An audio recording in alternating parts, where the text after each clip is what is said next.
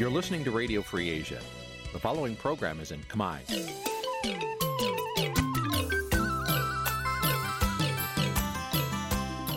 នេះជាកម្មវិធីផ្សាយ Vuthu Azizi Serai នេះជាកម្មវិធីផ្សាយរបស់ Vuthu Azizi Serai ជាភាសាខ្មែរ Vuthu Azizi Serai សូមស្វាគមន៍លោកអ្នកនាងទាំងអស់ពីរដ្ឋធានី Washington នៃសហរដ្ឋអាមេរិក ចាប់ផ្សាយផ្ទាល់ពីរដ្ឋធានី Washington នាងខ្ញុំខែសុណងសូមជម្រាបសួរលោកនាងកញ្ញាប្រិយមិត្តអ្នកស្ដាប់វិទ្យុអាស៊ីសេរីទាំងអស់ជាទីមេត្រីចា៎នាងខ្ញុំសូមជូនកម្មវិធីផ្សាយសម្រាប់ព្រឹកថ្ងៃសៅរ៍9កើតខែកដិកឆ្នាំឆ្លូវត្រីស័កពុទ្ធសករាជ2565ដែលត្រូវនឹងថ្ងៃទី13ខែវិច្ឆិកាគ្រិស្តសករាជ2021ចា៎ជាដំបូងនេះសូមអញ្ជើញលោកនាងស្ដាប់ព័ត៌មានប្រចាំថ្ងៃដែលមានមេត្តាដូចតទៅ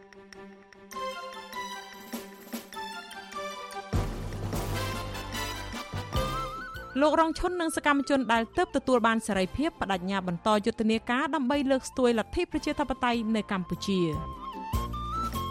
ក្រសួងការពារជាតិនិងបរទេសចោទអាមេរិកថាបានរំលោភបំពានអធិបតេយ្យកម្ពុជារឿងដាក់ទណ្ឌកម្មមន្ត្រីយោធាជាន់ខ្ពស់ខ្មែរ2នាក់អ្នកជំនាញថាក្រសួងមហាផ្ទៃដាក់ពាក្យប្តឹងស្ថាបនិកគណៈបកបេះដូងជាតិជារឿងនយោបាយ ពលករចំណាក់ស្រុកស្លាប់7នាក់និងជាង20នាក់ធ្លាក់ខ្លួនឈឺដោយសារពលអកលលាយភេសជ្ជៈរួមនឹងព័ត៌មានផ្សេងៗមួយចំនួនទៀតចាជាបន្តទៅនេះនាងខ្ញុំខែសុណងសូមជូនព័ត៌មានទាំងនេះពិស្ដា ចាលោកនាងជាទីមេត្រីតុលាការរបបក្រុងភ្នំពេញបានដោះលែងសកម្មជនបរិស្ថាន និងសកម្មជននយោបាយចំនួន18នាក់រាប់ទាំងលោករងឈុនផងចេញពីពន្ធនាគារហើយកាលពីថ្ងៃទី12ខែវិច្ឆិកាម្សិលមិញ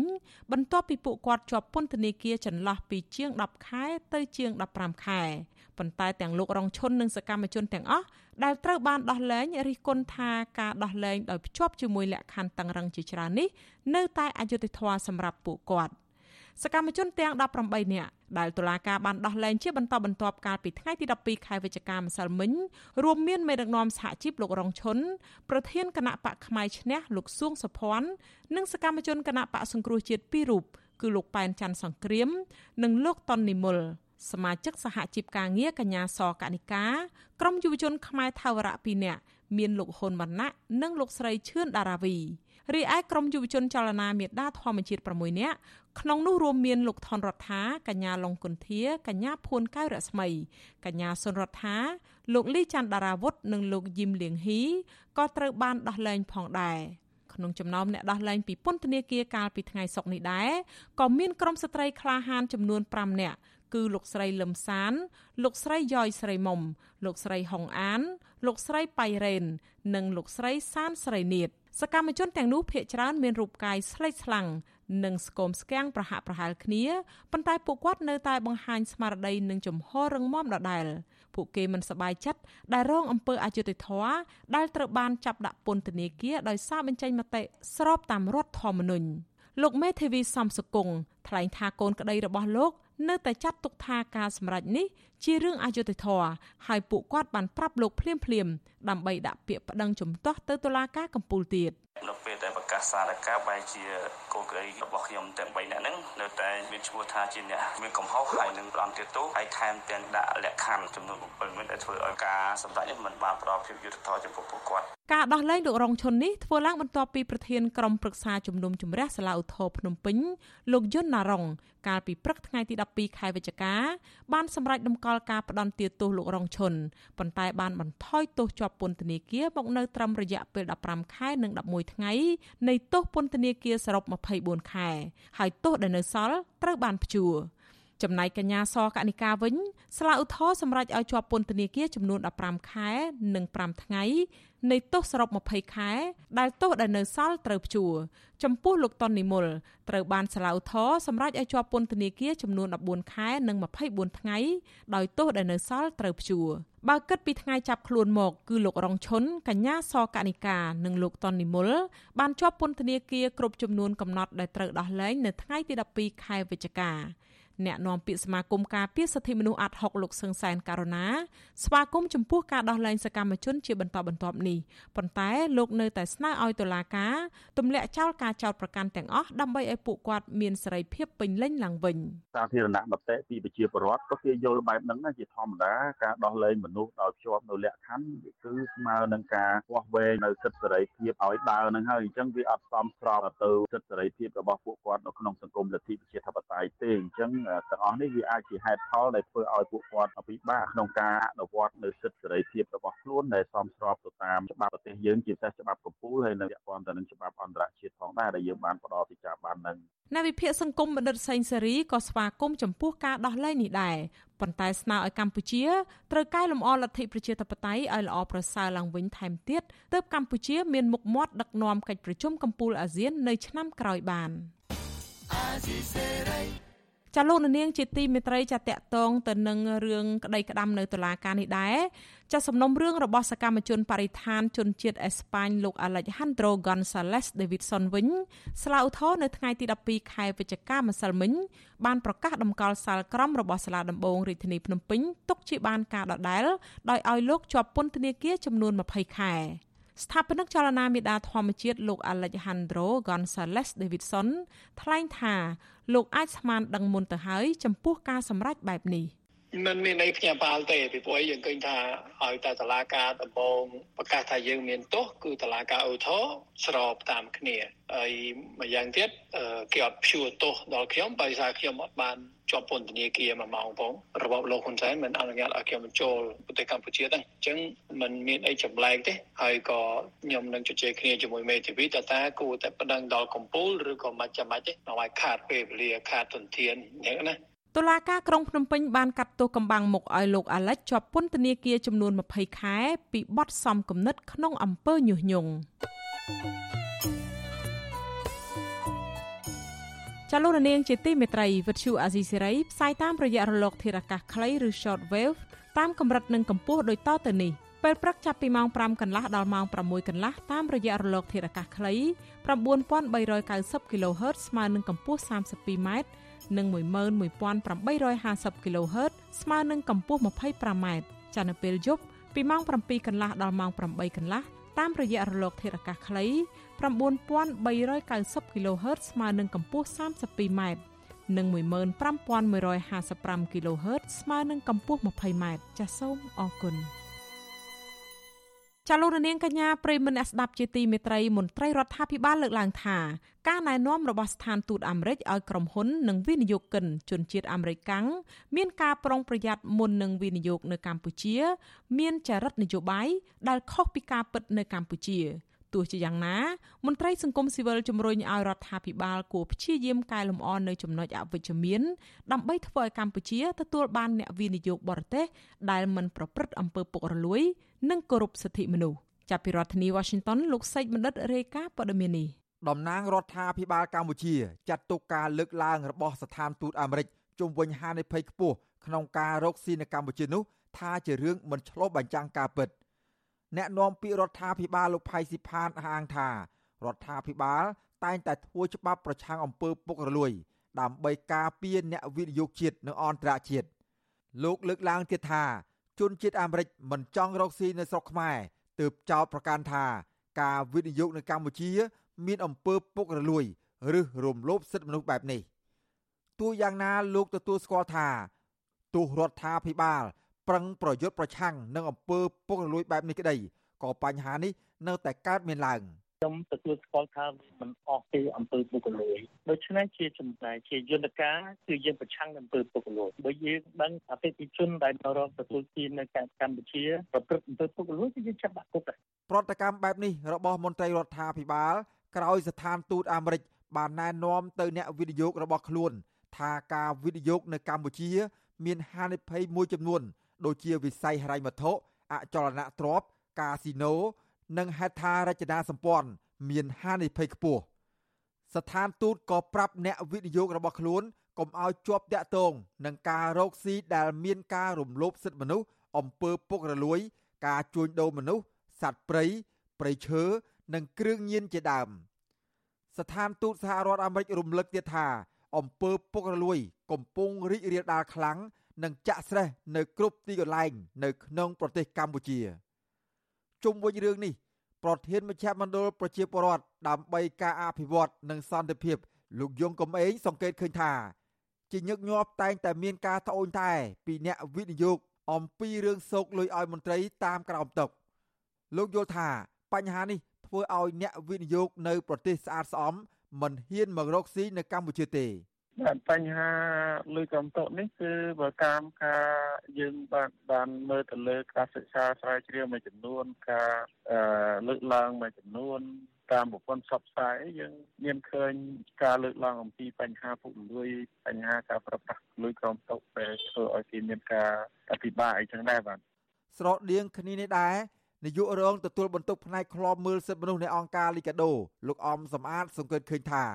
សហរដ្ឋអាមេរិក និងប្រទេសប្រជាធិបតេយ្យផ្សេងទៀតពេលចង់វិនិយោគទៅប្រទេសណាមួយគេតែងតែគិតគូរគ្រប់ជ្រុងជ្រោយពិសេសលើការគោរពសិទ្ធិមនុស្សប្រជាធិបតេយ្យនិងប្រឆាំងអំពើពុករលួយជាដើមលោកយល់ថាបើរដ្ឋាភិបាលប្រឹងប្រែងកែលម្អខ្លួនឲ្យសហគមន៍អន្តរជាតិជឿជាក់នឹងអាចតាក់ទាញអ្នកវិនិយោគកាន់តែច្រើនថែមទៀតមករកស៊ីនៅកម្ពុជា។ ការកែលម្អទៅឲ្យមានជឿជាក់ហើយអាចតេទៀងវិនិយោគមកវិនិយោគនៅស្រុកខ្មែរកាន់តែច្រើនអានឹងវាជាការបង្ហាញមោទនភាពមួយចំពោះកម្ពុជាផងដែរជាពិសេសកម្ពុជាយើងត្រូវតែពង្រឹងនៅគោលការណ៍ស្ដារនៃការគោរពសិទ្ធិមនុស្សបំបត្តិអំពើពុករលួយហើយនឹងគោលការណ៍ស្ដារនៃលទ្ធិប្រជាធិបតេយ្យចាប់តាំងពីឆ្នាំ2017មកទល់នឹងពេលនេះកម្ពុជាជាប់ឈ្មោះក្នុងបញ្ជីប្រភេទនៃក្រមប្រទេសមានហានិភ័យខ្ពស់ ផ្នែកអំពើលាងលុយកខ្វក់នៅលើពិភពលោក របស់អង្គការអន្តរជាតិឃ្លាំមើលអំពើលាងលុយកខ្វក់ឈ្មោះក្រុមការងារហិរញ្ញវត្ថុក្រោយមកស្ថាប័នហិរញ្ញវត្ថុរបស់សហភាពអឺរ៉ុបនិងសហរដ្ឋអាមេរិកក៏ដាក់បញ្ចូលកម្ពុជាទៅក្នុងបញ្ជីឃ្លាំមើលនៃក្រុមប្រទេសមានហានិភ័យខ្ពស់ផ្នែកអំពើលាងលុយកខ្វក់នេះដែរ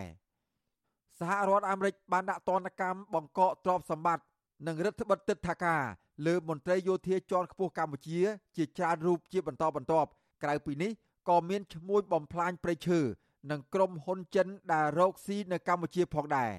ជាងនេះទៅទៀតសហរដ្ឋអាមេរិកក៏មិនទាន់បានផ្ដល់ប្រព័ន្ធអនុគ្រោះពន្ធទូទៅរបស់ខ្លួនហៅថា GSP ឲ្យកម្ពុជាវិញដែរក្រោយពីបានផុតសុពលភាពកាលពីចុងឆ្នាំ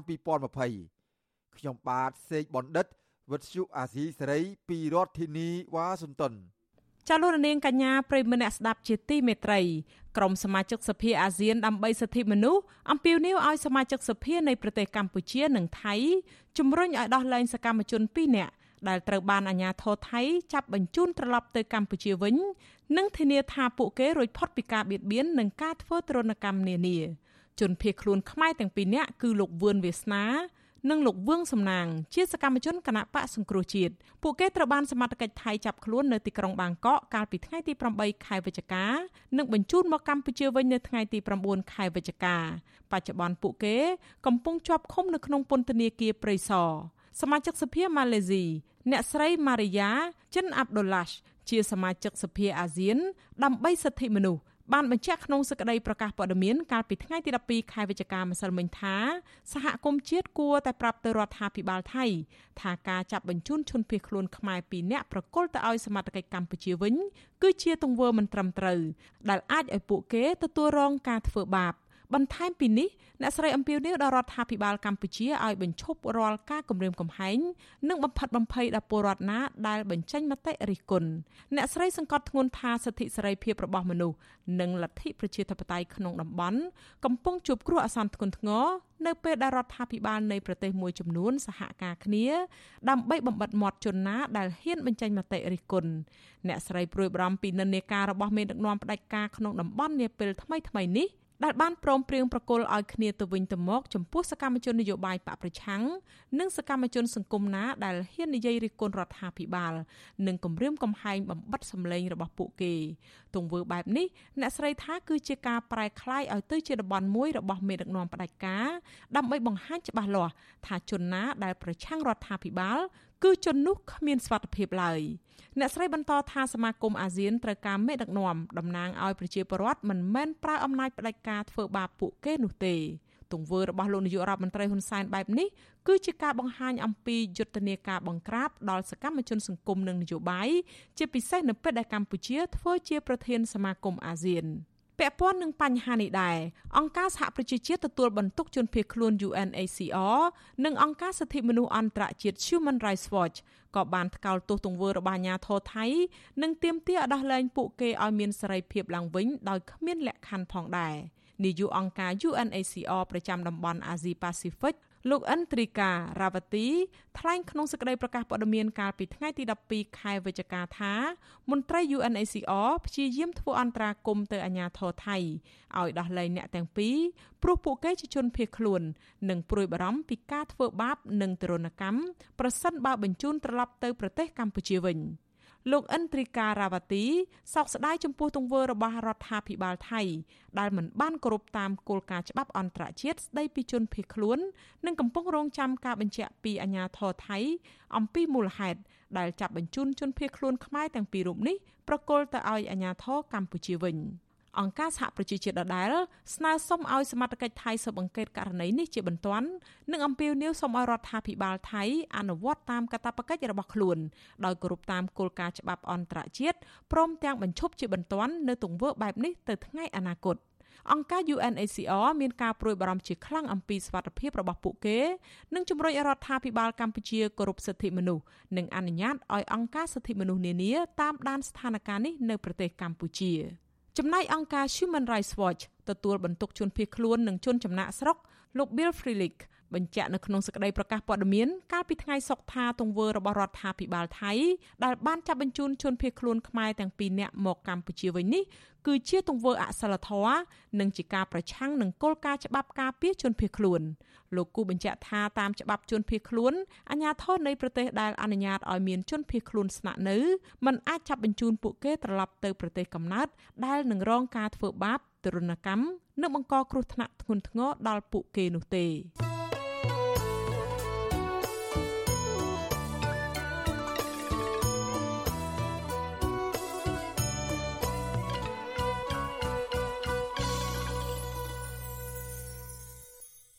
ចាលោករនាងកញ្ញាប្រិមនៈស្ដាប់ជាទីមេត្រីរឿងដាច់ដライមួយទៀតក្រសួងការពារជាតិនិងក្រសួងការបរទេសប្រតិកម្មព្រមគ្នាចំពោះការដាក់ទណ្ឌកម្មរបស់សហរដ្ឋអាមេរិកមកលើមន្ត្រីយោធាជាន់ខ្ពស់កម្ពុជាក្រសួងការពារជាតិកម្ពុជាប្រកាសប្រឆាំងចំពោះការដាក់ទណ្ឌកម្មនេះនិងចាត់ទុកថាជាការរំលោភបំពានមកលើអធិបតេយ្យកម្ពុជាសេចក្តីប្រកាសរបស់អ្នកនាំពាក្យក្រសួងការពារជាតិកាលពីថ្ងៃទី12ខែវិច្ឆិកាម្សិលមិញ ចោទថាសហរដ្ឋអាមេរិកនៅតែយកបញ្ហាមូលដ្ឋានសមរាមជាលេសសម្រាប់ធ្វើការគៀបសង្កត់ទោះបីកម្ពុជាខិតខំបង្ហាញអំពីភាពស្មោះត្រង់យ៉ាងណាក៏ដោយទោះយ៉ាងណាក្រសួងនេះបញ្ជាក់ថាកម្ពុជានឹងខិតខំកសាងទំនាក់ទំនងល្អជាមួយបណ្ដាប្រទេសជាមិត្តទាំងឡាយដែលប្រកាន់យកសុឆន្ទៈគោរពផលប្រយោជន៍គ្នាទៅវិញទៅមកស្របពេលជាមួយគ្នានេះក្រសួងការបរទេសកម្ពុជាក៏បានបដិសេធទណ្ឌកម្មរបស់សហរដ្ឋអាមេរិកមកលើមន្ត្រីកម្ពុជាដែរ ក្រសួងនេះចាត់ទុកទណ្ឌកម្មពីសហរដ្ឋអាមេរិកថាជាអំណាចយុត្តាធិការហួសព្រំដែនអ្នកនាំពាក្យក្រសួងការបរទេសលើកឡើងនៅក្នុងសេចក្តីថ្លែងការណ៍កាលពីថ្ងៃទី12ខែវិច្ឆិកាថាការដាក់ទណ្ឌកម្មនេះជាការបំពានលើច្បាប់អន្តរជាតិនិងបទដ្ឋានមូលដ្ឋាន នៃទំនាក់ទំនងអន្តរជាតិព្រមទាំងមាក់ងាយឯករាជ្យភាពនិងការជ្រៀតជ្រែកចូលកិច្ចការផ្ទៃក្នុងរបស់កម្ពុជា។ លើសពីនេះអ្នកនាំពាក្យការបរទេសកម្ពុជា បានចោទសហរដ្ឋអាមេរិកថាកំពុងធ្វើយុទ្ធនាការលាបពណ៌ហើយដាក់ទណ្ឌកម្មមកលើមន្ត្រីកម្ពុជា ធ្វើឡើងដោយសារហេតុផលភូមិសាស្ត្រនយោបាយទៅវិញទោះជាយ៉ាងណាក្រសួងទាំងពីរនេះមិនបានបង្ហាញភ័ស្តុតាងរឹងមាំណាមួយ ដើម្បីបដិសេធលើការរកឃើញនិងទណ្ឌកម្មរបស់អាមេរិក លើមន្ត្រីឧត្តមសេនីយ៍ផ្កាយ4ទាំងពីររូបនោះឡើយតំណាងរដ្ឋាភិបាលបានបញ្ជាក់ថារដ្ឋាភិបាលនឹងគ្មានការស៊ើបអង្កេតរឿងអាស្រូវពុករលួយរបស់មន្ត្រីជាន់ខ្ពស់ទាំងពីររូបនេះទេប្រតិកម្មរបស់ក្រសួងការពារជាតិនិងក្រសួងការបរទេសកម្ពុជានេះកើតមានឡើងក្រោយពីក្រសួងរដ្ឋាភិបាលអាមេរិកបានប្រើច្បាប់សកល Global Magnitsky Act ដាក់ទណ្ឌកម្មមន្ត្រីយោធាជាន់ខ្ពស់កម្ពុជាពីររូបគឺលោកចៅភិរុន អគ្គនាយកនៃអគ្គនាយកដ្ឋានសម្ភារៈបច្ចេកទេសនៃក្រសួងការពារជាតិនិងលោកទាវិញអគ្គមេបញ្ជាការរងកងយុទ្ធពលខេមរៈភូមិន្ទនិងជាមេបញ្ជាការកងទ័ពជើងទឹកពាក់ព័ន្ធនឹងអំពើពុករលួយក្នុងគម្រោងអភិវឌ្ឍមូលដ្ឋានទ័ពជើងទឹករៀម ក្រសួងរដ្ឋាភិបាលជាតិអាមេរិករកឃើញថានៅឆ្នាំ2020និងឆ្នាំ2021លោកចៅភិរុនបានរួមគំនិតកេងចំណេញពីសកម្មភាពពាក់ព័ន្ធនឹងការសាងសង់និងកែលម្អបរិវេណនិងអាគារនៅកំពង់ផែកងទ័ពជើងទឹករៀមលើសពីនេះទៀត លោកចៅភិរុននិងលោកទាវិញនិងមន្ត្រីរដ្ឋាភិបាលកម្ពុជាដទៃទៀតក៏ទំនងជាបានរួមគំនិតគ្នាបំផោងថ្លៃដើមនៃការសាងសង់និងកែលម្អបរិវេណនៃអាគារនៅកំពង់ផែកងទ័ពជើងទឹករៀមហើយពួកគេបានទទួលផលប្រយោជន៍ដោយផ្ទាល់ពីគម្រោងទាំងនោះក្រសួងរដ្ឋាភិបាលជាតិអាមេរិកឲ្យដឹងទៀតថាលោកទាវិញនិងលោកចៅភិរុនមានគម្រោងការចែកលុយគ្នាពីថវិកាដែលពួកគេបានកេងយកពីគម្រោងកែលម្អកំពង់ផែកងទ័ពជើងទឹករៀម តនកម្មនេះរួមមានការបង្កក់ទ្រព្យសម្បត្តិដែលពួកគេអាចមាននៅសហរដ្ឋអាមេរិកព្រមទាំងការរដ្ឋបិទទឹកធការមិនឲ្យពួកគេនិងសមាជិកក្រុមគ្រួសារសាច់ញាតិបង្កើតរបស់ពួកគេអាចធ្វើដំណើរមកជន់ដីសហរដ្ឋអាមេរិកបានតនកម្មនេះក៏ហាមប្រាមមិនឲ្យជនជាតិឬក្រុមហ៊ុនអាមេរិកទាំងអស់រកស៊ីឬធ្វើប្រតិបត្តិការសាច់ប្រាក់ពាក់ព័ន្ធដោយផ្ទាល់ឬប្រយោលជាមួយមន្ត្រីយោធាកម្ពុជាទាំងពីររូបនេះឡើយ។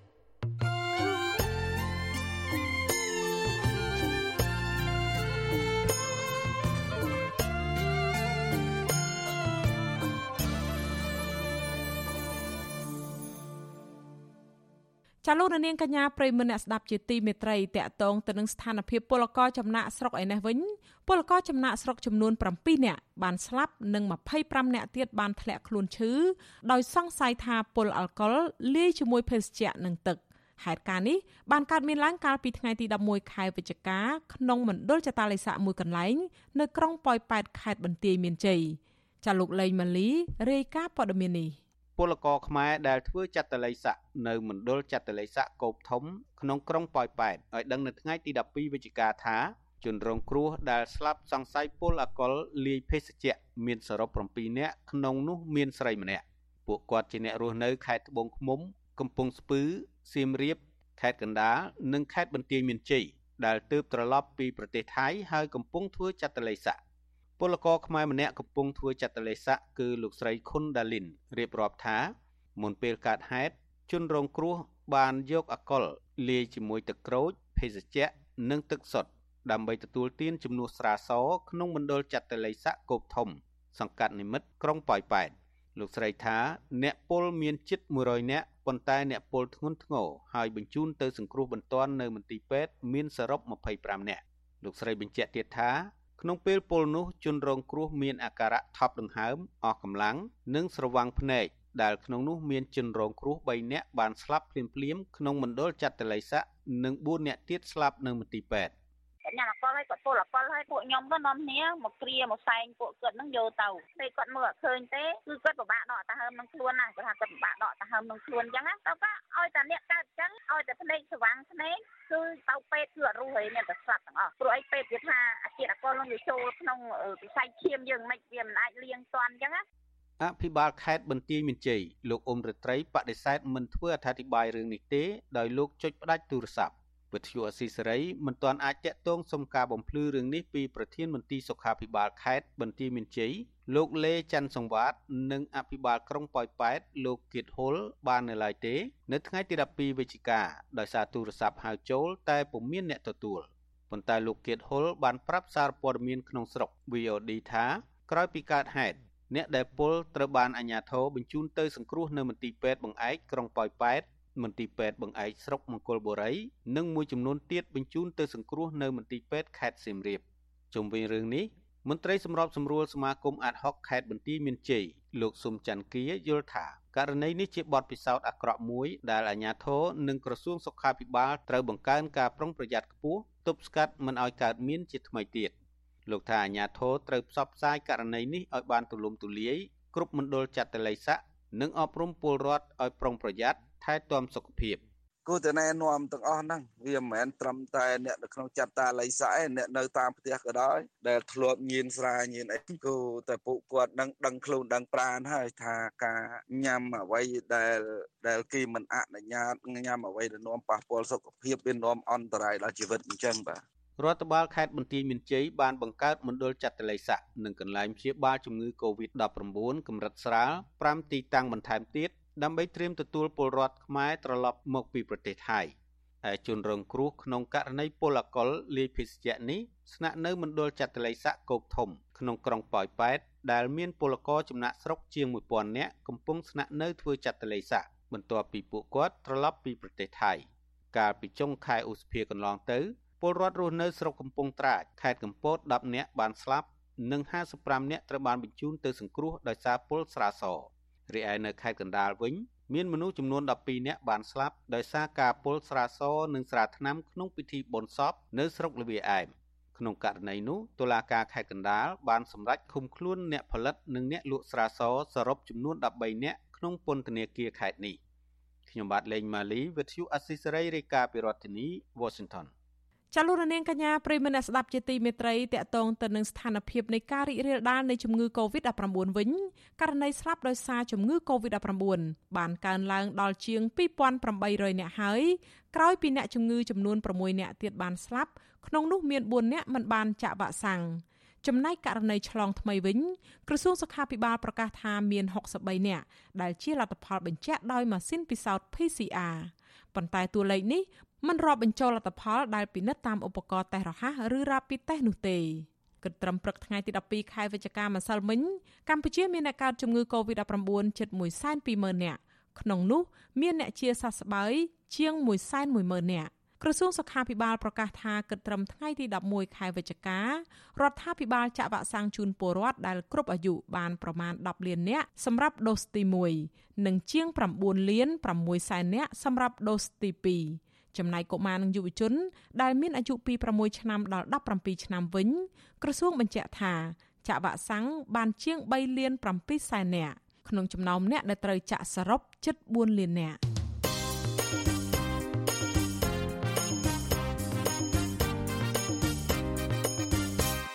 ចាលូននាងកញ្ញាប្រិមនស្ដាប់ជាទីមេត្រីចាលូននាងកំពុងស្ដាប់ការផ្សាយរបស់វិទ្យុអាស៊ីសេរីផ្សាយចេញពីរដ្ឋធានី Washington នៃសហរដ្ឋអាមេរិក។ ជនរងគ្រោះមួយចំនួននៅតែរន្ធត់តក់ស្លុតករណីជន់គ្នាស្លាប់នៅលើស្ពានពេជ្រឬហៅថាស្ពានកោះពេជ្រកាលពីឆ្នាំ2010កន្លងទៅការជន់គ្នានេះបណ្ដាលឲ្យមានមនុស្សជាង300នាក់ស្លាប់និងរាប់រយនាក់ទៀតរងរបួសជនរងគ្រោះដែលនៅមានជីវិតទាំងនោះមើលឃើញថាមូលហេតុដែលបណ្ដាលឲ្យមានមនុស្សស្លាប់ច្រើនបែបនេះកើតឡើងដោយសារតែការធ្វេសប្រហែសរបស់រដ្ឋាភិបាលចាលោកនាងនឹងបានស្ដាប់សេចក្តីរាយការណ៍នេះពុស្ដានៅពេលបន្តិចទៀតនេះ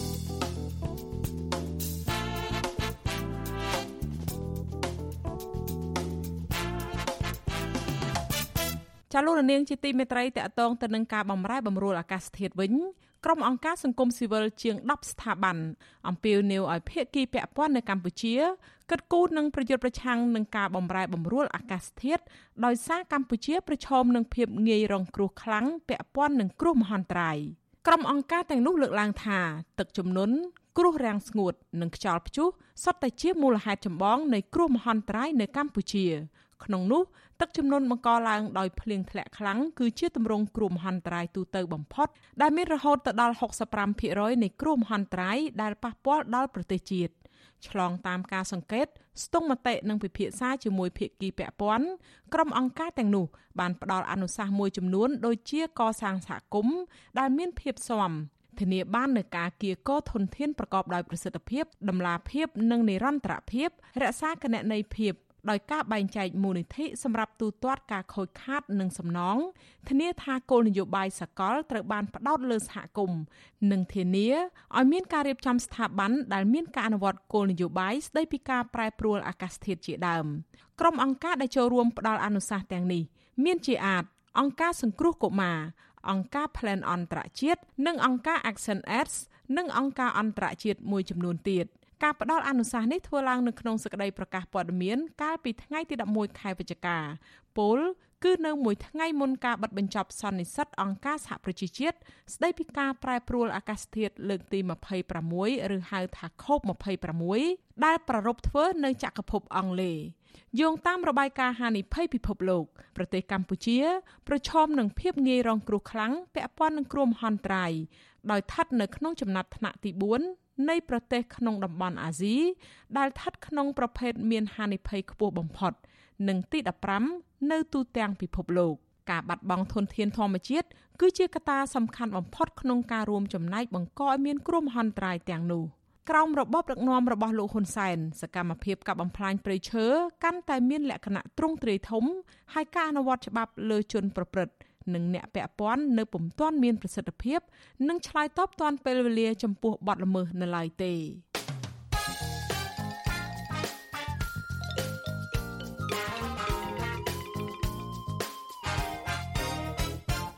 ចាលោកនាងកញ្ញាប្រិមមអ្នកស្ដាប់ជាទីមេត្រីតកតងទៅនឹងការកាប់បំផ្លាញព្រៃឈើសកម្មជនការពារព្រៃឈើនិងពលរដ្ឋប្រតិកម្មនឹងប្រសាសន៍របស់លោកនាយករដ្ឋមន្ត្រីហ៊ុនសែនដែលទម្លាក់កំហុសលើពលរដ្ឋថានាំគ្នាទៅកាប់ឈើដើម្បីសង់ផ្ទះបណ្ដាលឲ្យបាត់បង់ព្រៃឈើលោកហ៊ុនសែនប្រមានថានឹងរុះរើផ្ទះរបស់ប្រជាពលរដ្ឋទាំងអស់ដែលសង់ក្រោយឆ្នាំ1979ដើម្បីប្រមូលឈើដែលបាត់បង់មកវិញ ចាប់ពីរដ្ឋធានី Washington លោកជីវិតារាយការណ៍ព័ត៌មាននេះលោកនាយករដ្ឋមន្ត្រីហ៊ុនសែនបានស្ដីបន្ទោសពលរដ្ឋនិងអ្នករិះគន់លោករឿងបាត់បង់ព្រៃឈើថានាំគ្នាទៅទិញឈើដើម្បីសង់ផ្ទះលើកទឹកចិត្តឲ្យមានការកាប់បំផ្លាញព្រៃឈើហើយបែរជានាំគ្នាមកទម្លាក់កំហុសលើលោកទៅវិញលោកគម្រាមរុះរើផ្ទះសម្បែងទាំងអស់ដែលបានសាងសង់ឡើងពីឈើលោកនាយករដ្ឋមន្ត្រីហ៊ុនសែនថ្លែងបែបនេះក្នុងពិធីសម្ពោធអគារទីស្តីការក្រសួងរៀបចំដែនដី ក្នុងរាជធានីភ្នំពេញនៅព្រឹកថ្ងៃទី8វិច្ឆិកាកាប់អស់ឈើខ្ញុំតាបានអូខេឥឡូវដើម្បីប្រមូលឈើមកវិញវាយកំតិចផ្ទះចោលទាំងអស់អាណាកសាងក្រោយឆ្នាំ79វាយយកទាំងអស់ព្រោះឈើវានៅក្នុងផ្ទះអ្នកទាំងនោះទ្វារបង្អួចស្អីស្អីនោះនៅក្នុងផ្ទះហ្នឹងម្នាក់ម្នាក់នាំគ្នាជេរទៅហ៊ុនសែនអស់ឈើបដ ாய் គេកាប់ឈើវាអាណាបដ ாய் ទេប៉ុន្តែវាឈើទៅគេត្រូវកាប់អានេះកាប់តិចទៅអានោះកាប់តិចទៅ អាណាកាប់ធ្វើអស់ដុតផងអាណាកាប់ធ្វើខ្ជូងផងរឿងរ៉ាវវាច្រើនណាស់ណាសកម្មជនការពារព្រៃឈើនិងពលរដ្ឋចាត់ទុកការលើកឡើងបែបនេះជាការមិនទទួលស្គាល់ការពិតនិងខ្វះការទទួលខុសត្រូវប្រជាពលរដ្ឋរស់នៅខេត្តមណ្ឌលគិរីលោកស្រីតេសស្រីនិចមិនយល់ស្របចំពោះការលើកឡើងរបស់លោកនាយករដ្ឋមន្ត្រីហ៊ុនសែននោះទេលោកស្រីថាការនាំឈើទៅលក់នៅប្រទេសវៀតណាមគឺជាប្រភពចម្បងមួយនាំឲ្យបាត់បង់ព្រៃឈើ ព្រោះប្រទេសនេះបានជះលុយជាច្រើនដើម្បីប្រមូលទិញឈើពីកម្ពុជាជាច្រើនឆ្នាំមកហើយលោកស្រីថានៅពេលដែលប្រទេសជិតខាងទទួលទិញឈើពីកម្ពុជាធ្វើឲ្យទីផ្សារឈើហក់ឡើងថ្លៃខ្ពស់បង្កើតឲ្យមានចលនាកាប់ឈើនិងជួញដូរឈើក្នុងទីផ្សារងងឹតដែលមានការខុបខិតគ្នាជាប្រព័ន្ធតែឲ្យគាត់ចូលរួមទៅកុំឲ្យចេះតែនិយាយនៅពីចងាយវាអត់សមរម្យវាអត់សមស្របហ្មងការលើកឡើងរបស់គាត់ ពង្រឹងសមត្ថភាពឬក៏ពង្រឹងសហគមន៍ដែលគាត់នៅតាមភូមិឲ្យគាត់យល់ដឹងអំពីច្បាប់ឬក៏ឲ្យគាត់ការពារទាំងអស់គ្នាទៅរាល់ថ្ងៃហ្នឹងយល់ដឹងតែអ្នកខាងក្រៅទេអ្នកភូមិក៏មិនសូវហ៊ានប្រមាណទេណាស់តែអ្នកដឹងឲ្យបំពេញច្បាប់នោះអានោះมันវាខ្លាំងជាងសហគមន៍ទៀតពលរដ្ឋម្នាក់ទៀតរស់នៅខេត្តស្ទឹងត្រែងលោកថាន់វ៉នចាត់ទុកការលើកឡើងរបស់ថ្នាក់ដឹកនាំរដ្ឋបែបនេះថាគឺជាភាពទាល់ច្រកមួយមិនអាចទប់ស្កាត់បទល្មើសព្រៃឈើបាន ទើបប្រើលេសឆ្លោយដោះសារកិច្ចពីការទទួលខុសត្រូវលោកបន្ថែមថា មានបញ្ហាមួយចំនួន ជាផ្នែកមួយនាំឲ្យព្រៃឈើបាត់បង់គឺមន្ត្រីបម្រើបកជាងបម្រើជាតិហើយឈ្មួញជួញដូរឈើខុសច្បាប់បានចំណាយធនធានជាច្រើន ដែលចំណេញច្រើនពីព្រៃឈើទៅទ្រទ្រង់បកកាន់អំណាច ហើយគ្មានមន្ត្រីរដ្ឋាភិបាលណាហ៊ានអនុវត្តច្បាប់ឲ្យបានត្រឹមត្រូវនោះទេ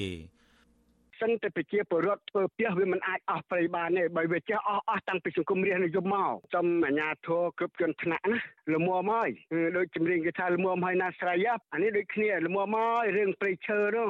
ទុកឲ្យកូនយើងសាក្រោយឲ្យស្គាល់ក្នុងស្គាល់នាងនួនបានអីក៏ឲ្យស្គាល់ដើមកន្ទ្រឹងខេតផងព្រោះស្រុកខ្មែរវាមានសពគ្រប់ណាស់តែបើលោកបំផ្លាញអស់តើប្រជាពលរដ្ឋអ្នកកើតក្រោយកូនចៅយើងមិននឹងស្គាល់ព្រៃឈើ ចំណែកសមាជិកសហគមន៍បណ្ដាញព្រៃឡង់ខេត្តកំពង់ធំ គឺលោកស្រីថៃមើលឃើញថារដ្ឋាភិបាលបានផ្ដល់ដីសម្បត្តិសេដ្ឋកិច្ចឲ្យក្រុមហ៊ុនឯកជនជាច្រើននៅជុំវិញតំបន់ព្រៃឡង់និងតំបន់ផ្សេងទៀតធ្វើអាជីវកម្មឈើខុសច្បាប់ជាច្រើនឆ្នាំមកហើយលោកថាវត្តមានក្រុមហ៊ុនទាំងនោះនាំឲ្យព្រៃឈើក្នុងដែនការពារនិងក្រៅដែនអភិរក្សវិនិច្ឆ័យហិនហោចដោយសារក្រុមឈ្មួញបានបើកដេប៉ូអាឈើនិងស្តុកឈើក្នុងទីតាំងរបស់ក្រុមហ៊ុន ដើម្បីកាប់ឈើខុសច្បាប់ធ្វើអាជីវកម្មតែមន្ត្រីនេះទៅរោគ្នាជាមួយនឹងបទល្មើសដែរបានអស់ព្រៃឈើច្រើនបើអោយជារដ្ឋទៅកាប់ឈើទៅធ្វើផ្ទះគ្រប់អស់អញ្ចឹងវាមិនមែនដូចគាត់និយាយទេគាត់ធ្វើបានទៅតាមតំបន់ស្រែចំការដែលគាត់អាចយកបានទេតែអាចឈើក្នុងព្រៃឡង់អាសួរថាជាប្រត់ណាចូលបានដូចអាចបាត់ចុងក្រោយថាដាក់តំបន់ព្រៃឡង់គឺតំបន់អភិរក្សអ្នកណាចូលមិនបានសួរថាវាបាត់បង់ដោយសាររាជក៏ដោយសារអ្នកណាមន្ត្រីបឋានការពារមិនបានឬក៏វាយ៉ាងម៉េច ឯសកម្មជនការពារព្រៃឈើលោកហេងស្រស់សង្កេតឃើញថាឈើភៀកច្រើន ដែលពលរដ្ឋយកមកធ្វើផ្ទះគឺពួកគាត់ទៅទិញពីឃ្លាំងឈើនៅទីផ្សារដែលមានការបង់ពន្ធត្រឹមត្រូវហើយក៏មានពលរដ្ឋក្រីក្រតិចតួចប៉ុណ្ណោះដែលរស់នៅជាប់តំបន់ព្រៃចូលព្រៃកាប់ឈើដើម្បីសង់ផ្ទះលក្ខណៈគ្រួសារដោយមានការស្នើសុំពីអាជ្ញាធរភូមិឃុំលោកថាអ្នករកស៊ីកាប់បំផ្លាញព្រៃឈើភៀកច្រើន ជាក្រុមអ្នកមានអំណាច ជាអុកញ៉ា មន្ត្រីយោធានគរបាលជាន់ខ្ពស់និងមន្ត្រីកម្ពូលកម្ពូលរបស់រដ្ឋាភិបាលទន្ទឹមនឹងនេះពួកគេទាំងនោះកម្រឃើញសមត្ថកិច្ចអនុវត្តច្បាប់ណាស់បើទោះបីជាមានការជាប់ពាក់ព័ន្ធចំនួនឈើខុសច្បាប់ក្តីហើយប្រសិនបើមានការអនុវត្តច្បាប់លុះត្រាតែមានបទបញ្ជាពីថ្នាក់លើម្ដងម្កាល អ្នកដែលមានងារចោកញ៉ាអ្នកដែលមានអំណាចអ្នកដែលមានលុយហ្នឹងហើយដែលជាអ្នកបំផ្លាញព្រៃឈើនៅក្នុងប្រទេសកម្ពុជាមិនមែនជាប្រជាពលរដ្ឋតូចតាចទេបើសិនជាលោកនាយករដ្ឋមន្ត្រីហ៊ុនសែនគាត់ចង់ស្ដារនៅមុខមាត់គាត់គួរតែចាត់វិធានការលុបបំបាត់អំពើពុករលួយទៅលើមន្ត្រីទាំងអស់នោះហើយទៅចាប់អ្នកដែលរកស៊ីការកម្មបំផ្លាញព្រៃឈើធំធំទាំងអស់នោះយកមកដាក់ពន្ធនាគារអានោះទើបអាចរក្សានៅព្រៃឈើបានសកម្មជនការពារព្រៃឈើរូបនេះបន្ថែមថាអំពើពុករលួយ និងការអនុវត្តច្បាប់ធូររលុងគឺជាដើមចមធ្វើឲ្យព្រៃឈើវិនិច្ឆ័យហិនហោច ព្រោះមន្ត្រីមួយចំនួនបានខុបខិតជាមួយឈ្មួញប្រព្រឹត្តបទល្មើសព្រៃឈើទើបធ្វើឲ្យវិបត្តិព្រៃឈើគ្មានច្រកចេញក្រៅពីនិយាយឌៀមដាមចំពោះអ្នករិះគន់រឿងបាត់បង់ព្រៃឈើហើយលោកនាយករដ្ឋមន្ត្រីហ៊ុនសែនបានថ្លែងពីបញ្ហាទឹកលិចក្នុងទីក្រុងភ្នំពេញពេលមានភ្លៀងធ្លាក់ម្ដងម្ដងលោកអះអាងថាទឹកលិចទីក្រុងពុំមែនមកពីការលុបបង្ធម្មជាតិដើម្បីអភិវឌ្ឍនោះទេប៉ុន្តែលោកថាគឺជាបាតុភូតធម្មជាតិ ខ្ញុំជីវិតាអាស៊ីសេរីចាលោកនាងកញ្ញាប្រិមនស្ដាប់ជាទីមេត្រីចាលោកនាងកំពុងស្ដាប់ការផ្សាយរបស់វិទ្យុអាស៊ីសេរីផ្សាយចេញពីរដ្ឋធានី Washington នៃសហរដ្ឋអាមេរិកជនរងគ្រោះមួយចំនួននៅតែរន្ធត់តក់ស្លុតករណីជន់គ្នាស្លាប់នៅលើស្ពានពេជ្រឬហៅថាស្ពានកោះពេជ្រកាលពីឆ្នាំ2010កន្លងទៅការជន់គ្នានេះបណ្ដាលឲ្យមានមនុស្សជាង300នាក់ស្លាប់និងរាប់រយនាក់ទៀតរងរបួស ជនរងគ្រោះដែលនៅមានជីវិតទាំងនោះមើលឃើញថាមូលហេតុដែលបណ្ដាលឲ្យមានមនុស្សស្លាប់ច្រើនបែបនេះកើតឡើងដោយសារតែការធ្វេសប្រហែសរបស់រដ្ឋាភិបាលចាលោកនាងនឹងបានស្ដាប់សេចក្តីរាយការណ៍នេះពុស្ដានៅពេលបន្តិចទៀតនេះ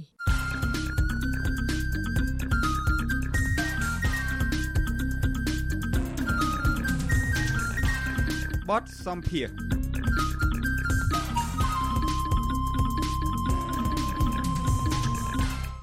ចាលោកនាងកញ្ញាប្រិមនស្ដាប់ជាទីមេត្រីអ្នកជំនាញខាងកិច្ចការបោះឆ្នោតអះអាងថាក្រសួងមហាផ្ទៃដាក់ពាក្យប្តឹងស្ថាបនិកគណៈបកបេះដូងជាតិលោកសៀមភ្លុកនោះគឺជារឿងនយោបាយបិទបាំងពីរឿងមិនចុះបញ្ជីឲ្យគណៈបកនេះអាចចូលរួមបោះឆ្នោតបាននៅពេលខាងមុខ។ លោកកុលបញ្ញាទីប្រឹក្សាអង្គការ Confrel មានប្រសាសន៍ថាក្រសួងមហាផ្ទៃគួរតែបើកសិទ្ធិសេរីភាពឲ្យគ្រប់គណៈបកនយោបាយបានចូលរួមបោះឆ្នោតនៅពេលខាងមុខទើបការបោះឆ្នោតនោះឆ្លុះបញ្ចាំងអំពីឆន្ទៈរបស់ប្រជាពលរដ្ឋពិតប្រាកដលោកបន្ថែមថាក្រសួងមហាផ្ទៃមិនព្រមចុះបញ្ជីឲ្យគណៈបកបេះដូងជាតិហើយថែមទាំងប្តឹងប្រធានគណៈបកនេះពីរឿងបន្លំស្នាមមេដៃនោះគឺជារឿងនយោបាយច្រើនជាង។ ចាសសូមអញ្ជើញលោកនាងស្ដាប់បទសម្ភាសន៍របស់លោកទីនសាការីយ៉ាជាមួយលោកគុលបញ្ញាអំពីបញ្ហានេះដូចតទៅបាទលោកគុលបញ្ញាខាងក្រសួងមហាផ្ទៃអ្នកនាំពាក្យក្រសួងមហាផ្ទៃបានប្រកាសជាផ្លូវការតែម្ដងគឺបដិសេធមិនចុះបញ្ជីគណៈបកបៃដងជាតិតាមការស្នើសុំទេហើយផ្ទុយទៅវិញ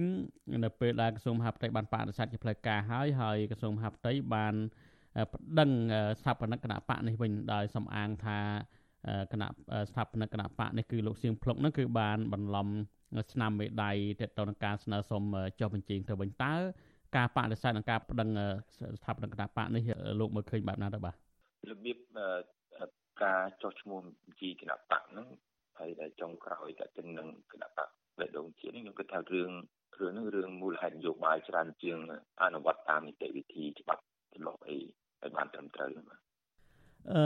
កត្តាអីខ្លះដែលលោកលើកឡើងថាជារឿងនយោបាយនោះបាទខ្ញុំមើលទៅខាងខាងអ្នក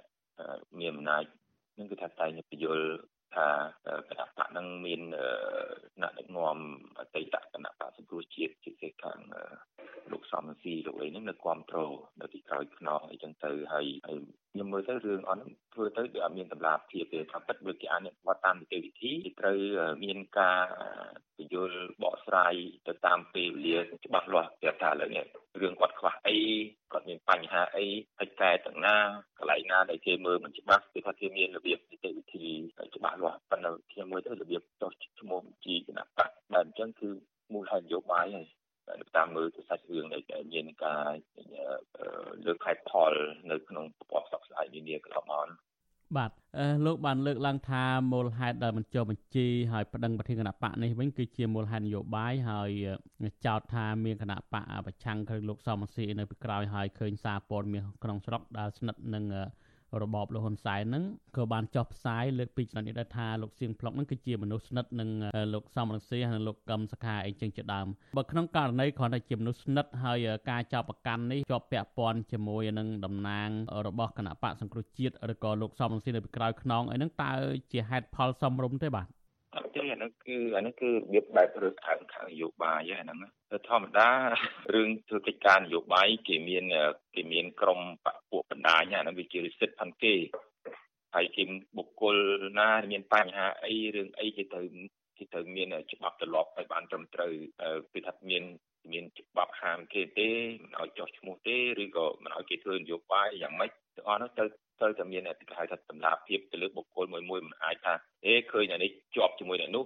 តំណែងតំណងមួយខាងនេះពួកធ្វើកិច្ចការនយោបាយអ្នកនយោបាយត្រូវតែមានតំណែងតំណងហើយត្រូវតែមានបណ្ដាញត្រូវតែមានគ្រប់គ្រងនៅឧត្តមកតិថានេះឧត្តមកតិថានោះដែលខាងនយោបាយហ្នឹងអានោះវាជារឿងជារឿងដែលគេធម្មតាទេនៅក្នុងកិច្ចការនយោបាយយើងមិនអាចយកមូលហេតុអស់ហ្នឹងយកមកយកមកយកមកធ្វើការបដិសេធលើសិទ្ធិនយោបាយសិទ្ធិធ្វើបង្កើតគណៈបកនយោបាយ របស់ពួកគេទេអាហ្នឹងគឺជាប្រកាសយើងធ្វើអញ្ចឹងបានន័យថារបៀបនីតិវិធីចុះឈ្មោះបោះឯនីតិវិធីចុះឈ្មោះគណៈបកបង្កើតឲ្យបង្កើតគណៈបកហ្នឹងគឺតែរឿងតេតិននឹងនយោបាយមូលហេតុនយោបាយច្រើនជាងការអនុវត្តច្បាប់គេត្រូវការពង្រឹងនីតិរដ្ឋធ្វើម៉េចឲ្យមានប្រព័ន្ធនីតិរដ្ឋមួយដែលមិនមានការរើសអើងគេគឺថាកិច្ចការច្បាប់តាមអនុវត្តតាមច្បាប់ទម្លាប់ឲ្យបានត្រឹមត្រូវនីតិវិធីបានត្រឹមត្រូវទៅនឹងបានធ្វើឲ្យរដ្ឋប្រទេសកម្ពុជាយើងនឹងរឹងមាំខាងនីតិរដ្ឋ គេមិនមែនយករឿងបញ្ហានៃមូលហេតុនៃខាងនយោបាយហ្នឹងមកដោយសារក្រុមនេះខ្លួនឯងមិនចូលចិត្តក្រុមនោះចូលចិត្តហើយយើងទៅតាក់ទងទៅក្រុមនោះថាតាក់ទងទៅក្រុមមិនចូលចិត្តយើងមិនអាចអនុវត្តច្បាប់បានអីចឹងទៅហ្នឹងវាមិនត្រូវហើយនេះវាវាជារឿងមូលហេតុនយោបាយហ្នឹងគឺថាវាជាមូលហេតុនយោបាយបាទអញ្ចឹងមានន័យថាទោះបីជាគណៈបកនេះមានជាប់ពាក់ព័ន្ធក៏ដោយតាមផ្លូវច្បាប់គឺត្រូវតែបើកឲ្យមានសេរីភាពស្មើគ្នាបាទ តែយើងធ្វើអញ្ចឹងមិនត្រឹមតែរឿងបញ្ហាយើងអនុវត្តនីតិវិធីឬអានខាងនយោបាយយើងបានរំលោភសិទ្ធិរំលោភសិទ្ធិធ្វើសមាគមរំលោភសិទ្ធិធ្វើគណៈបកនយោបាយរំលោភសិទ្ធិធ្វើសេរីភាពនៅក្នុងការនឹងធ្វើសិទ្ធិនៅក្នុងកិច្ចការនយោបាយទៅនឹងគឺប្រតិធម្មនឹងយើងគឺថាគេត្រូវឲ្យរដ្ឋអាជ្ញាធរត្រូវទៅគោរពហើយការពារសិទ្ធិហ្នឹងណាពេញសិទ្ធិហ្នឹងហើយយើងយើងធ្វើនេះគឺថាយើងរើសអើងសិទ្ធិរើសអើងប្រជាប្រដ្ឋផងហើយយើងរំលោភសិទ្ធិផងបាទ មួយវិញទៀតក្រៅពីបដិសេធមិនចុះបញ្ជីអស់ហើយឥឡូវហ្នឹងគឺខាងតំណាងសុំហបតីបានប្រកាសថានឹងប្តឹងស្ថាបនិកគណៈបកនេះជាផ្លូវការទៀតដោយសារតែចោទថាគឺលោកសៀងភ្លុកហ្នឹងគឺ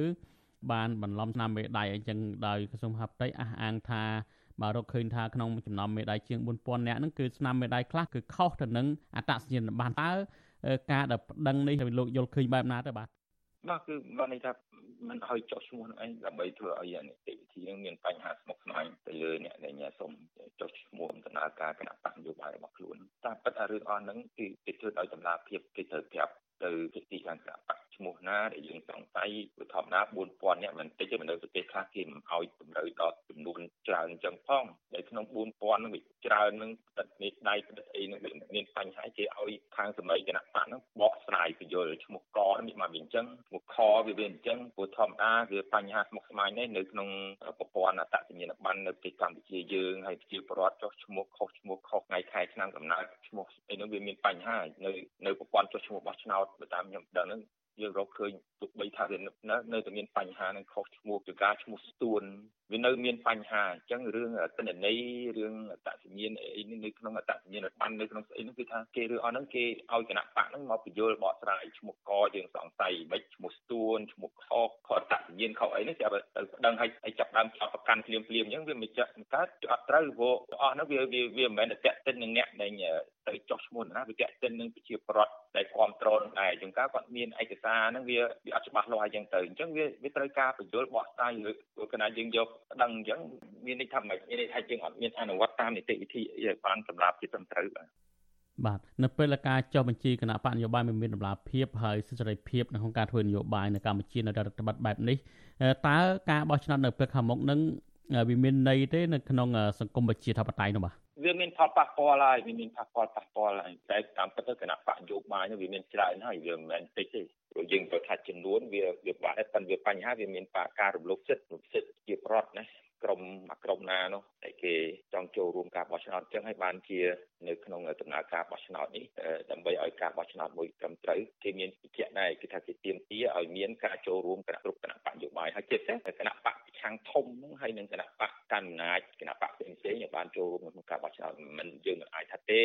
ដកទៅគណៈបកប្រឆាំងធំមួយទៅគណៈបកច្រើនទៀតចូលរួមបោះឆ្នោតនឹងចាត់ទុកថាការបោះឆ្នោតស្រីយុទ្ធធម៌មិនបានទេទោះបីចំណាយឲ្យក្រុមតូចតូចផ្សេងផ្សេងទៀតដែលគេមានគណៈបកយោបាយហ្នឹងក៏មិនមែនមានន័យថាយើងទៅចិត្តគាត់សិទ្ធិរបស់គេទេទៅទៅឲ្យគេក្រុមផ្សេងផ្សេងតូចតូចហ្នឹងអ្នកនយោបាយផ្សេងផ្សេងទៀតដែលមិនមែនជាគណៈបកប្រឆាំងធំអីឬក៏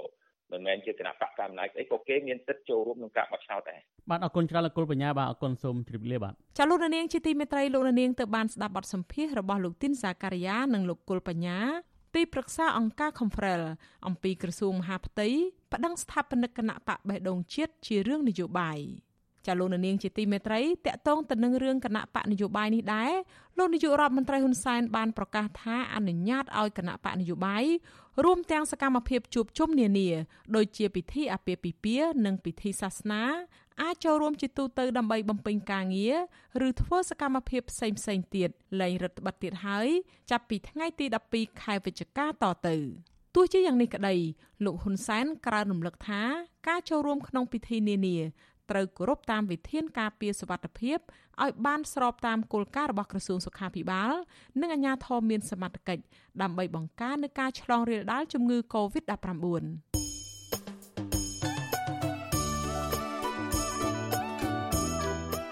ចលនានាងកញ្ញាប្រិមនស្ដាប់ជាទីមេត្រីលោកនាងកំពុងស្ដាប់ការផ្សាយរបស់វិទ្យុអាស៊ីសេរីផ្សាយចេញពីរដ្ឋធានី Washington នៃសហរដ្ឋអាមេរិក នៅក្នុងឱកាសនេះដែរនាងខ្ញុំសូមថ្លែងអំណរគុណដល់លោកនាងកញ្ញាទាំងអស់ដែលតែងតែមានភក្ដីភាពចំពោះការផ្សាយរបស់យើងហើយចាត់ទុកការស្ដាប់វិទ្យុអាស៊ីសេរីគឺជាផ្នែកមួយនៃសកម្មភាពប្រចាំថ្ងៃរបស់លោកនាង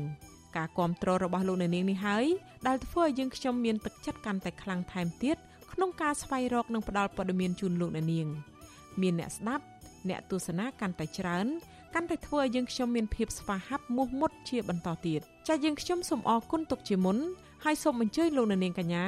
ចូលរួមជំរុញឲ្យសកម្មភាពផ្តល់ព័ត៌មានរបស់យើងកាន់តែជោគជ័យបន្ថែមទៀតចាសូមលោកនាងជួយយើងខ្ញុំដោយគ្រាន់តែចុចចែករំលែកឬ share ការផ្សាយរបស់យើងនៅលើបណ្ដាញសង្គម Facebook និង YouTube ទៅកាន់មិត្តភ័ក្តិរបស់លោកអ្នកដើម្បីឲ្យការផ្សាយរបស់យើងបានទៅដល់មនុស្សកាន់តែច្រើនចាសសូមអរគុណ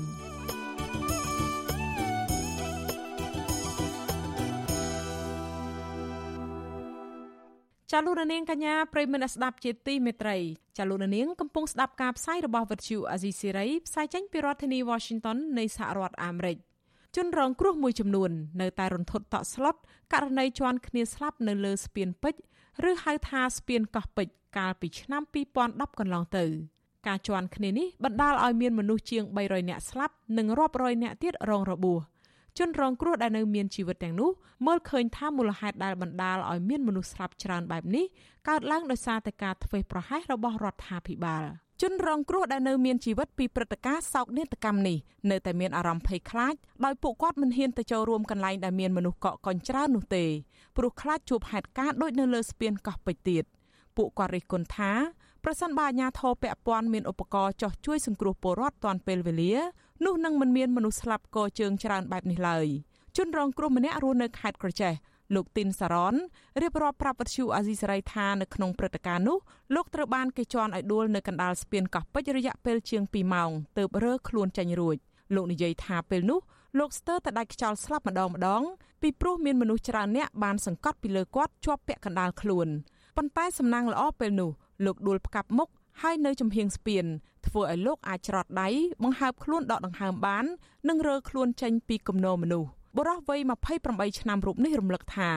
ប្រហែល20នាទីក្រោយមកលោកបានរើខ្លួនចេញពីគំនរមនុស្សហើយបានលោតទៅក្នុងទឹកក្រោមស្ពានដើម្បីសុវត្ថិភាពមានតែផ្លូវហ្នឹងដែលជួយរួចជីវិតបាននិយាយទៅអ្នកនៅពីលើជើងខ្ញុំខ្ញុំគាត់ថាស្លាប់ហើយព្រោះឯងដេកឡើងឆ្កឹងហ្នឹងគេដួលនៅពីលើខ្ញុំឡើងឆ្កឹងហ្នឹងខ្ញុំខ្ញុំអត់អីទេខ្ញុំងើបរកខ្លួនបានអូពេលហ្នឹងបាក់និយាយណាបងអើយ និយាយអាណត្តិធំមែនតើព្រោះមនុស្សវាវាច្រើនពេកដឹងមកពីកណាកណីវាជាអៀតគ្នារហូតដល់ដើររហូតដល់ទាញគ្នាអីមិនកើតអញ្ចឹងណាបងសំខាន់គេជន់នេះគេជន់ពីលើទៀតទេមនុស្សចេះតែណែនណែនទៅចេះតែចូលចូលទៅហេតុការណ៍នឹងណែនណាអាមនុស្សនៅក្រៅគេគេអត់ដឹងគេចេះតែចូលទៅទៀតព្រោះចេះធ្វើឲ្យអ្នកនៅក្នុងវាបាក់ខ្ញុំគិតថាខ្ញុំអស់ជីវិតត្រឹមហ្នឹងហើយគេជន់អង្ករផងជន់ដល់ធុងផងពេលហ្នឹងខ្ញុំដាក់ទៅហើយអញ្ចឹងដែរ លោកត្រូវបានអាជ្ញាធរស្រង់ចេញពីទឹកហើយបញ្ជូនទៅសង្គ្រោះបន្ទាន់នៅមន្ទីរពេទ្យក្នុងរាជធានីភ្នំពេញលោកថានៅពេលនោះលោកបានសម្រាប់ព្យាបាលរបួសនៅក្នុងមន្ទីរពេទ្យរយៈពេល2សប្តាហ៍ទើបជាសះស្បើយហើយក៏ត្រឡប់ទៅស្រុកកំណើតវិញនៅឯខេត្តក្រចេះលោកប្រាប់ថាចាប់តាំងពីព្រឹត្តិការណ៍នោះមក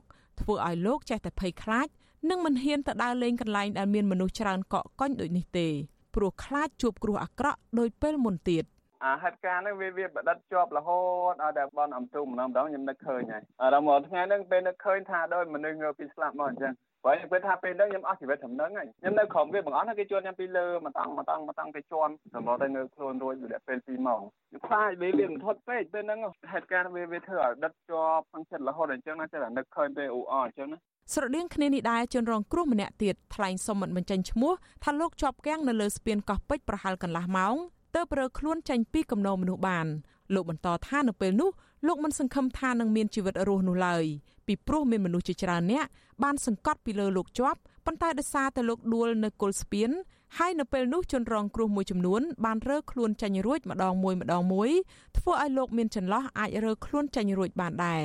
បុរសវ័យ32ឆ្នាំរូបនេះនិយាយថាលោកមិនបានសម្រាប់ព្យាបាលនៅមន្ទីរពេទ្យនោះទេព្រោះពេលនោះលោកគ្មានរបួសស្នាមអ្វីឡើយ ដោយគ្រាន់តែអស់កម្លាំងនិងខ្សោះជាតិទឹកដោយសារជាប់គាំងក្នុងគំនរមនុស្ស មានអារម្មណ៍ភ័យតែបាទយើងនិយាយថាយើងនឹកឃើញនឹកឃើញថាបើបើសិនបើជាប់កដាមួយទេប្រហែលជាដូចគេដែរប៉ុន្តែថាយើងសំណាងយើងដើរចេញមកជិតផាត់ហ្នឹងអ្នកខ្លះគាត់និយាយដែរគាត់ថាសំណាងចេះអ្នកខ្លះគេអត់មកអញ្ចឹងណាថាសំណាងក៏សំណាងដែរតែតែយើងមកវិជិតផាត់វាទៅជាប់មួយគេអីហ្នឹងណាវាអាចទៅដូចថាដើរលេងឬក៏សប្បាយអីយ៉ាងនេះណាខ្ញុំអត់ដែរតែតាំងចិត្តពីហ្នឹងមកតែតែមានថាដើរចេញហើយតែណាក៏មិនថាកោះពេជ្រឯងរួមកន្លែងទីទៅក៏ព្រឹត្តិការណ៍ជន់គ្នាស្លាប់នៅក្នុងឆ្នាំ2010ដែលចំថ្ងៃបង្ហើយនៃព្រះរាជពិធីបុណ្យអុំទូកគឺលោកកែបចុតិមាធ្វើជាអភិបាលក្រុងភ្នំពេញនិងលោកទូចណារ៉តជាស្នងការនគរបាលរាជធានីភ្នំពេញ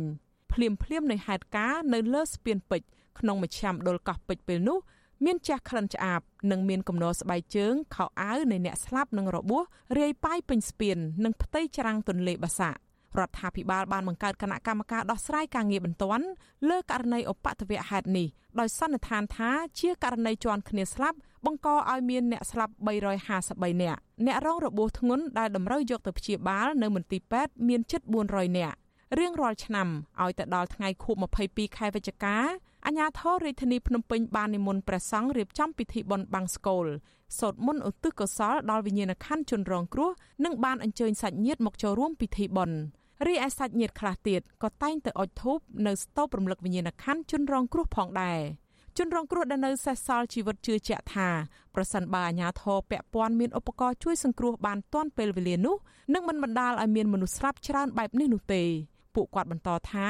ក្រោយពេលហេតុការណ៍កើតឡើងប្រហែល2ម៉ោងទើបអាជ្ញាធរទៅដល់ដែលធ្វើឲ្យជនរងគ្រោះជាពិសេសអ្នកនៅកណ្ដាលស្ពានភៀកច្រើនសន្លប់បាត់ស្មារតីហើយអាជ្ញាធរនៅតែមិនអាចជួយសង្គ្រោះបានភ្លាមៗដែរ។ ពួកគាត់ស្នើឲ្យរដ្ឋាភិបាលគួររៀបចំដាក់កងកម្លាំងសម្រាប់ជួយសង្គ្រោះនៅក្នុងពិធីបុណ្យធំធំ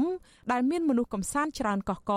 ដើម្បីកុំឲ្យហេតុការណ៍បែបនេះកើតឡើងម្ដងទៀតតកតងទៅនឹងបញ្ហានេះប្រធានអង្គភិបអ្នកណែនាំពាក្យរដ្ឋាភិបាលលោកផៃស៊ីផានប្រាប់វិទ្យុអាស៊ីសេរីថារឿងនេះមិនមែនកើតឡើងដោយសារតែការធ្វេសប្រហែសរបស់អាជ្ញាធរនោះទេគឺដោយសារជារឿងកើតឡើងដោយចៃដន្យ លោកបញ្ជាក់ថាអាញាធរពពាន់បានជួយអស់ពីលទ្ធភាពហើយប៉ុន្តែលោកថាការយឺតយ៉ាវនៅក្នុងការជួយសង្គ្រោះនៅពេលនោះគឺបណ្ដាលមកពីមានមនុស្សច្រើនកកកុញពេកធ្វើឲ្យពិបាកដល់កម្លាំងអន្តរាគមន៍ពេលនោះយើងបទូបថយរឿងតែការធ្វើដំណើរថយមួយចំនួនក៏ប៉ុន្តែនិយាយដល់មីក្រូក៏មិនស្រាប់ព្រោះឲ្យយើងធ្វើមិនវាវាយដូច្នេះវាដល់ឆ្នាំនេះហើយលំមុំបញ្ចប់ហើយលុយដែលយកចែកគេទៅឲ្យហ្នឹងណាចូលបនចូលទៀនទៅឲ្យហ្នឹងគ្រប់គ្រាន់ហើយមាន បើធ្វើរឿងនយោបាយទេអានឹងខ្ញុំជឿបើអ្នកគូអ្នកស្លាប់ហ្នឹងបានចំណេញពីជីវភាពពីរឿងលុយហ្នឹងឯងម្នាក់សឹម10000ជាងអ្នកខ្លះស្ដាយទៅកូនលុយបំរុំស្លាប់ខ្ញុំដូចមិនចង់និយាយរឿងហ្នឹងវាយូរពេកអានេះខ្មាស់ងាប់ដុតឡើងទៅអស់ហើយរាប់ឆ្នាំហើយ នៅគ្រានោះរដ្ឋាភិបាលបានចាត់ចែងបញ្ជូនសាកសពទៅតាមលំនៅឋាននៅឯស្រុកកំណើតនិងឧបត្ថម្ភថវិកាខ្ទង់ម៉ឺនដុល្លារដល់គ្រួសារសពនីមួយៗប៉ុន្តែរដ្ឋាភិបាលមិនបានចាប់អ្នកទទួលខុសត្រូវណាម្នាក់ក្នុងព្រឹត្តិការណ៍នេះយកមកដាក់ទោសឬទទួលកំហុសឡើយ។លោកនាយករដ្ឋមន្ត្រីហ៊ុនសែនកាលនោះ បានហៅព្រឹត្តិការណ៍នោះថាជាសោកនាដកម្មរបស់ខ្មែរបន្ទាប់ពីរបបខ្មែរក្រហមនឹងបានសម្រក់ទឹកភ្នែកហើយនិយាយថាជាហេតុការណ៍អាក្រក់ដែលគ្មាននរណាម្នាក់ចង់ឲ្យកើតមានឡើងនោះទេទោះជាយ៉ាងណាប្រធានសមាគមការពារសិទ្ធិមនុស្សអាត់ហុកលោកនីសុខាយល់ថាអាញាធមមិនត្រូវបំភ្លេចរឿងនេះឡើយពីព្រោះជាហេតុការណ៍មួយធ្វើឲ្យមានមនុស្សស្លាប់ជាច្រើនអ្នកដែលអាញាធរគួរតែបន្តស៊ើបអង្កេតរកអ្នកពាក់ព័ន្ធដែលបណ្ដាលឲ្យមានព្រឹត្តិការណ៍នេះកើតឡើង ដើម្បីយកមកទទួលខុសត្រូវតាមច្បាប់ថាអត់មានអាជ្ញាធរណាមួយដែលទទួលដាក់ ទណ្ឌកម្មឬក៏ដាក់វិន័យខាងរដ្ឋបាលឬក៏ដកចេញពីតំណែងក៏យើងអត់ឃើញមានដែរដូច្នេះនេះគឺជាការមួយដែលរដ្ឋាភិបាលមិនទាន់បង្ហាញអំពីការទទួលខុសត្រូវក្នុងកម្រិតខ្ពស់ទេហើយបើយើងប្រៀបធៀបជាមួយនឹងប្រទេសមួយចំនួនដែលគេមានការទទួលខុសត្រូវក្នុងកម្រិតខ្ពស់នោះក៏ថាគ្រាន់តែមានបញ្ហាបន្តិចបន្តួចនោះគេអាចលាលែងឈប់ដូចជាប្រទេសជប៉ុននេះយើងឃើញថ្មីថ្មីមានរដ្ឋមន្ត្រីមាននាយករដ្ឋមន្ត្រីអីគេលាឈប់ហើយនៅពេលណាដែលមានបញ្ហាសូម្បីតែមានបញ្ហាគមនាគមមទូចតាយផងក្រោយព្រឹត្តិការណ៍នេះមានមតិជាច្រើនលើកឡើងថាអាញាធររាជធានីភ្នំពេញដែលជាអ្នកចាត់ចែងរៀបចំពិធីបុណ្យជាតិនិងជាអ្នកធានានូវសុខសុវត្ថិភាពពលរដ្ឋគួរតែចេញមុខទទួលខុសត្រូវចំពោះសោកនាដកម្មដែលបានកើតមានឡើងដោយជាត្រូវក្លាហានប្រកាសចោះចេញពីតំណែងដោយអ្នកដឹកនាំនៅតាមបណ្ដាប្រទេសមួយចំនួនដែរឬមួយរដ្ឋាភិបាលត្រូវហ៊ានដាក់ពិន័យរដ្ឋបាលចំពោះការធ្វេសប្រហែសរបស់អាជ្ញាធរថ្នាក់ក្រោមរបស់ខ្លួនជាដើមជនរងគ្រោះ ចង់ឲ្យរដ្ឋាភិបាលរំលឹកបនខួបសោកនាដកម្មនេះឲ្យបានធំដុំជាងពេលបច្ចុប្បន្នដែលមានត្រឹមតែការបាំងស្កលឧទ្ទិសកុសលដល់អ្នកស្លាប់នោះ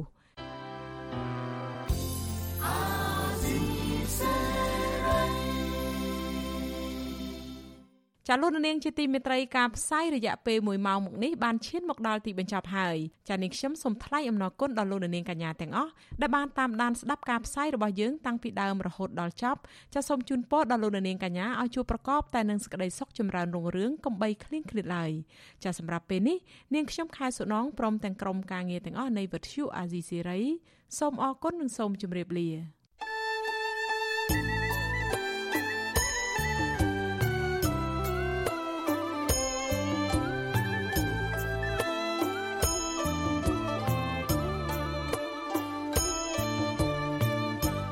វិទ្យុអេស៊ីសេរីផ្សាយតាមរលក ធាតុអាកាសខ្លីឬ short wave តាមកម្រិតនិងកម្ពស់ដូចតទៅនេះពេលព្រឹកចាប់ពីម៉ោង5កន្លះដល់ម៉ោង6កន្លះតាមរយៈរលកធាតុអាកាសខ្លី9390 kHz ស្មើនឹងកម្ពស់ 32m និង11850 kHz ស្មើនឹងកម្ពស់ 25m ពេលយប់ចាប់ពីម៉ោង7កន្លះដល់ម៉ោង8កន្លះតាមរយៈរលកធាតុអាកាសខ្លី 9390 kHz ស្មើនឹងកម្ពស់ 32m និង15155 kHz ស្មើនឹងកម្ពស់ 20m លោកអ្នកនាងក៏អាចស្ដាប់ការផ្សាយផ្ទាល់តាមប្រព័ន្ធអ៊ីនធឺណិតដោយចូលទៅកាន់គេហទំព័រ www.rfa.org/ ខ្មែរក្រៅពីនេះលោកអ្នកនាងក៏អាចអាននិងទស្សនាព័ត៌មានវិទ្យុអេស៊ីសេរីលើទូរស័ព្ទដៃរបស់លោកអ្នកផ្ទាល់ សូមលោកអ្នកនាងចូលទៅកាន់បណ្ដាញសង្គម Facebook ដែលមានអាសយដ្ឋាន www.facebook.com/rfa.cambodia និង YouTube www.youtube.com/rfa ខ្មែរ video សូមលោកអ្នកនាងចុច like និងចុច subscribe ដើម្បីទទួលបានព័ត៌មានថ្មីៗទាន់ហេតុការណ៍និងទស្សនាវីដេអូផ្សេងៗទៀតបានគ្រប់ពេលវេលា។